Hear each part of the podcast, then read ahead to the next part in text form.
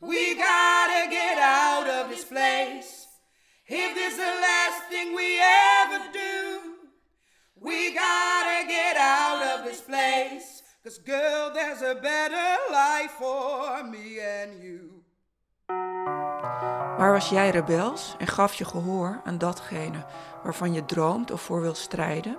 Deze vraag stelden we een diverse groep Haarlemse vrouwen in ons social lab tussen droom en daad. Terwijl regisseur Eline Arbo met haar crew en cast werkte aan de voorstelling Drie Zusters, onderzochten wij hoe dromen en rebellie vorm kregen in de levens van deze Haarlemse vrouwen.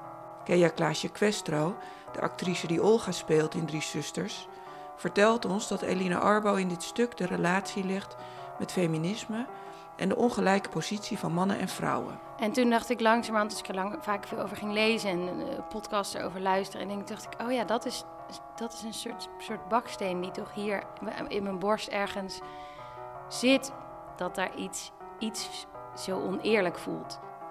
Wij zijn Mirna Lichthart en Marieke Boon van Stadsreporters.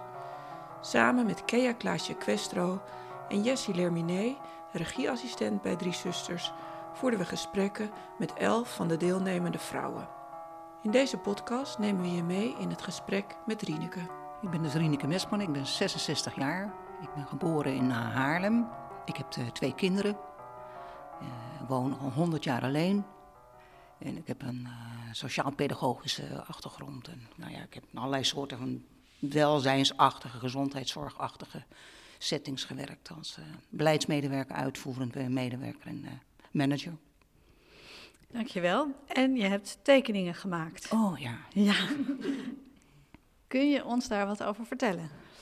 Ik heb twee tekeningen gemaakt. En uh, in eerste instantie, uh, dat vertelde ik ook uh, zeg maar, toen ik er iets over moest zeggen. Ik ben heel erg gefascineerd door de, de, de, de calligrafie van de, de Chinese taal, in dit geval, en de Arabische taal. Omdat daar zo'n prachtige beweging in zit. En ik hou heel erg van dans. Ik kan het niet, ik heb kinderverlamming. Uh, sinds mijn jeugd. Dus ik kan helemaal niet dansen, maar ik vind het fascinerend. Dus als het heb ik al ga ik naar dansvoorstellingen. Dus dat heb ik hier in, in, me niet tekenen kunnen, heb ik dat een beetje geprobeerd te verbeelden. En uh, ja, het moest ook iets uh, in verzet zijn. dus dat, dat, dat nou eigenlijk stampvoetend. Pik het niet langer meer.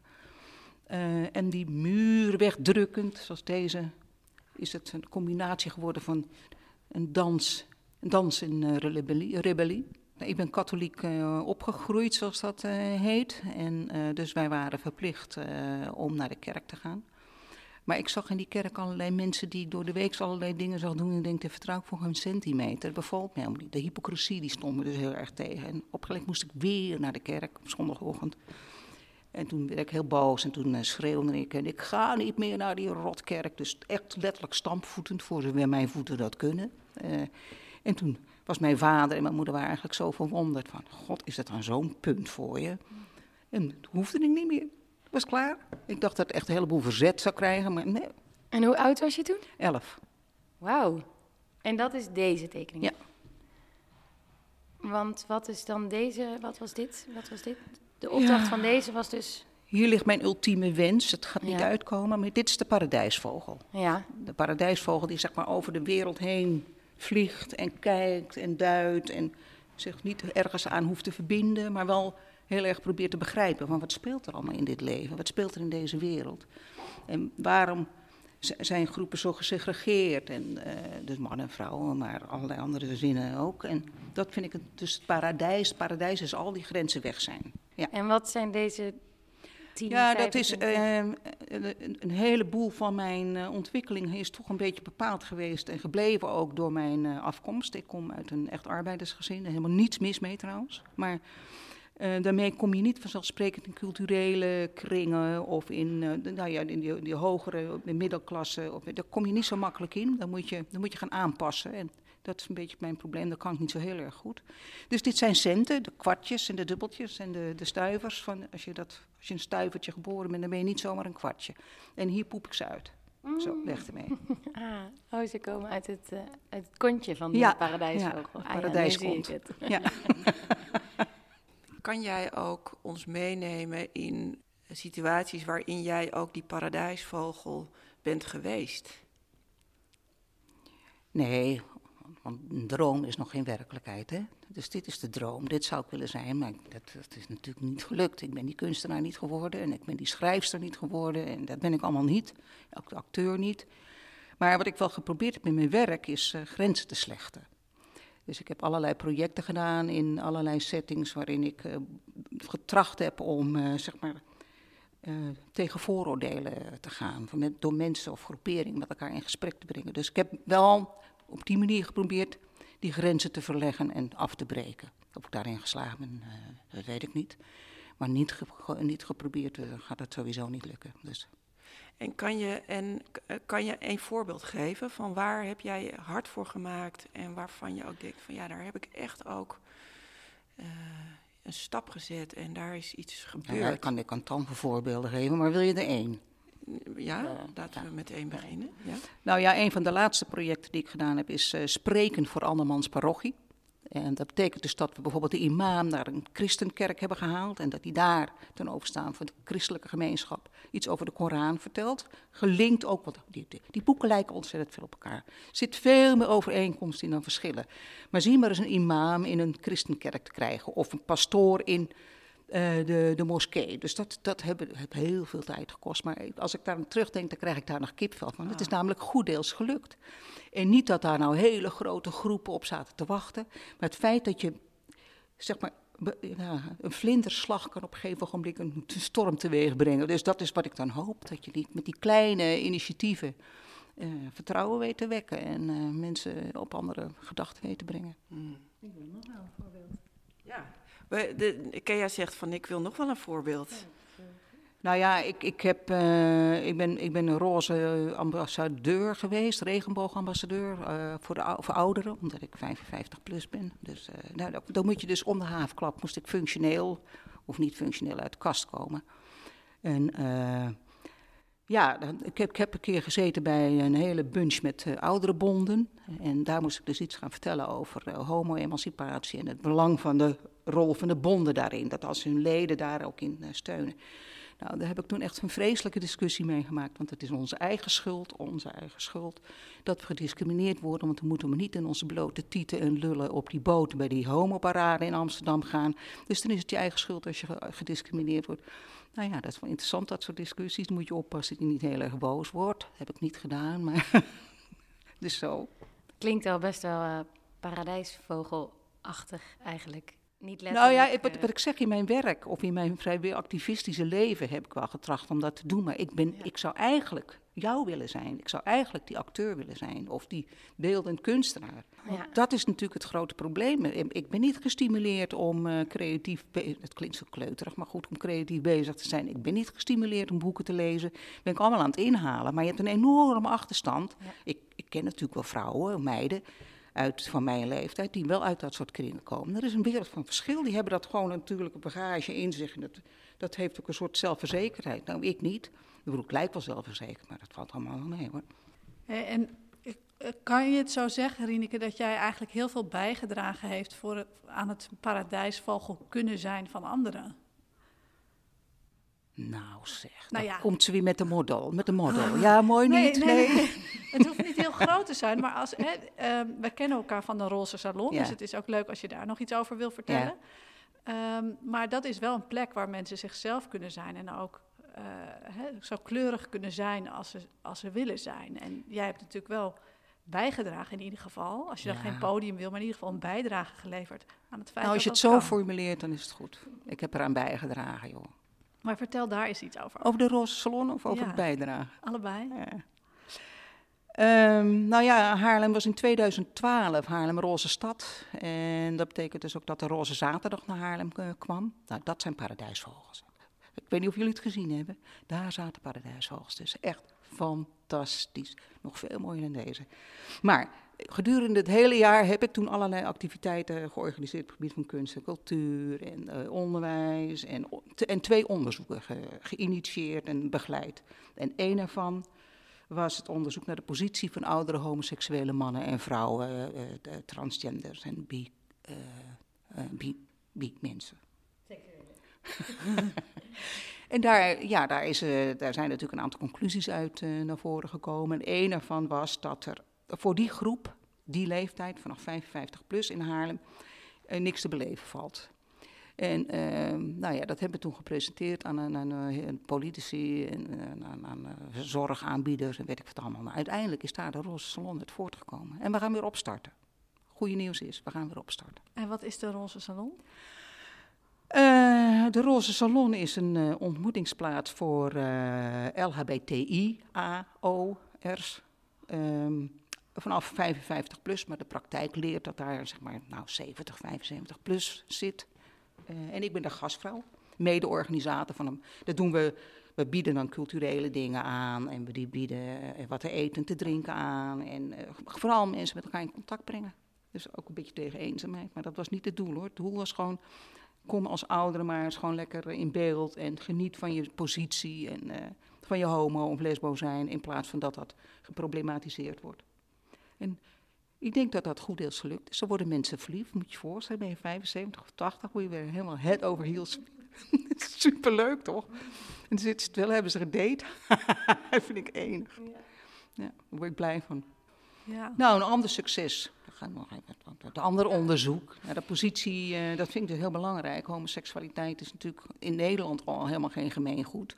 Maar kom je uit een uh, meer uh, orthodox milieu, bijvoorbeeld islamitisch of joods of christelijk, dan, dan wordt het voor een homo of lesbo een stuk ingewikkelder. En we hebben een onderzoek toen, ik heb toen een onderzoek ge geïnitieerd en begeleid naar de positie van homoseksuele jongeren vanuit de islamitische achtergrond. En dat hebben we gedaan. En dat is een mega klus geweest. Want vind, vind maar eens jongeren die dan ten overstaan van die onderzoeker en die begeleidingsgroep uit de kast gaan komen. Dat doen ze niet. Dus ze wilden allemaal, we hebben het uiteindelijk 14 uh, bereikt. Ze wilden heel graag meedoen, maar allemaal anoniem. En uh, ja, het, het is heel belangrijk dat, dat is ook een vlinderslag. Weet je, maak het maar bespreekbaar, want je moet die mensen benaderen. Dus in die gemeenschap, ik ben twintig keer in de moskee geweest, nou overdrijf ik ook, maar om mensen te, te, te, charteren om mee te doen. En dat is dus wel gelukt? Ja, ik geloof in die vlinderslag. Ja. ja.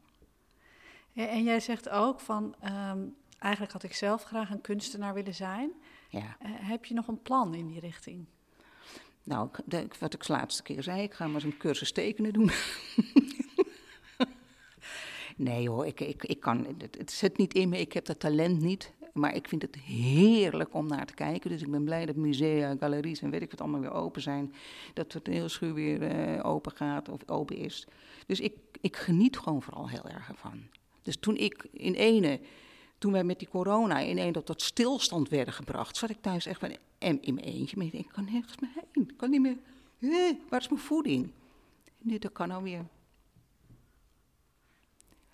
Zonder kunst is geen leven. Echt, vind ik, dat meen ik. Dat is een hele bouwde uitspraak die ik doe, maar dat meen ik serieus. Dus, dankjewel. Kea, Olga.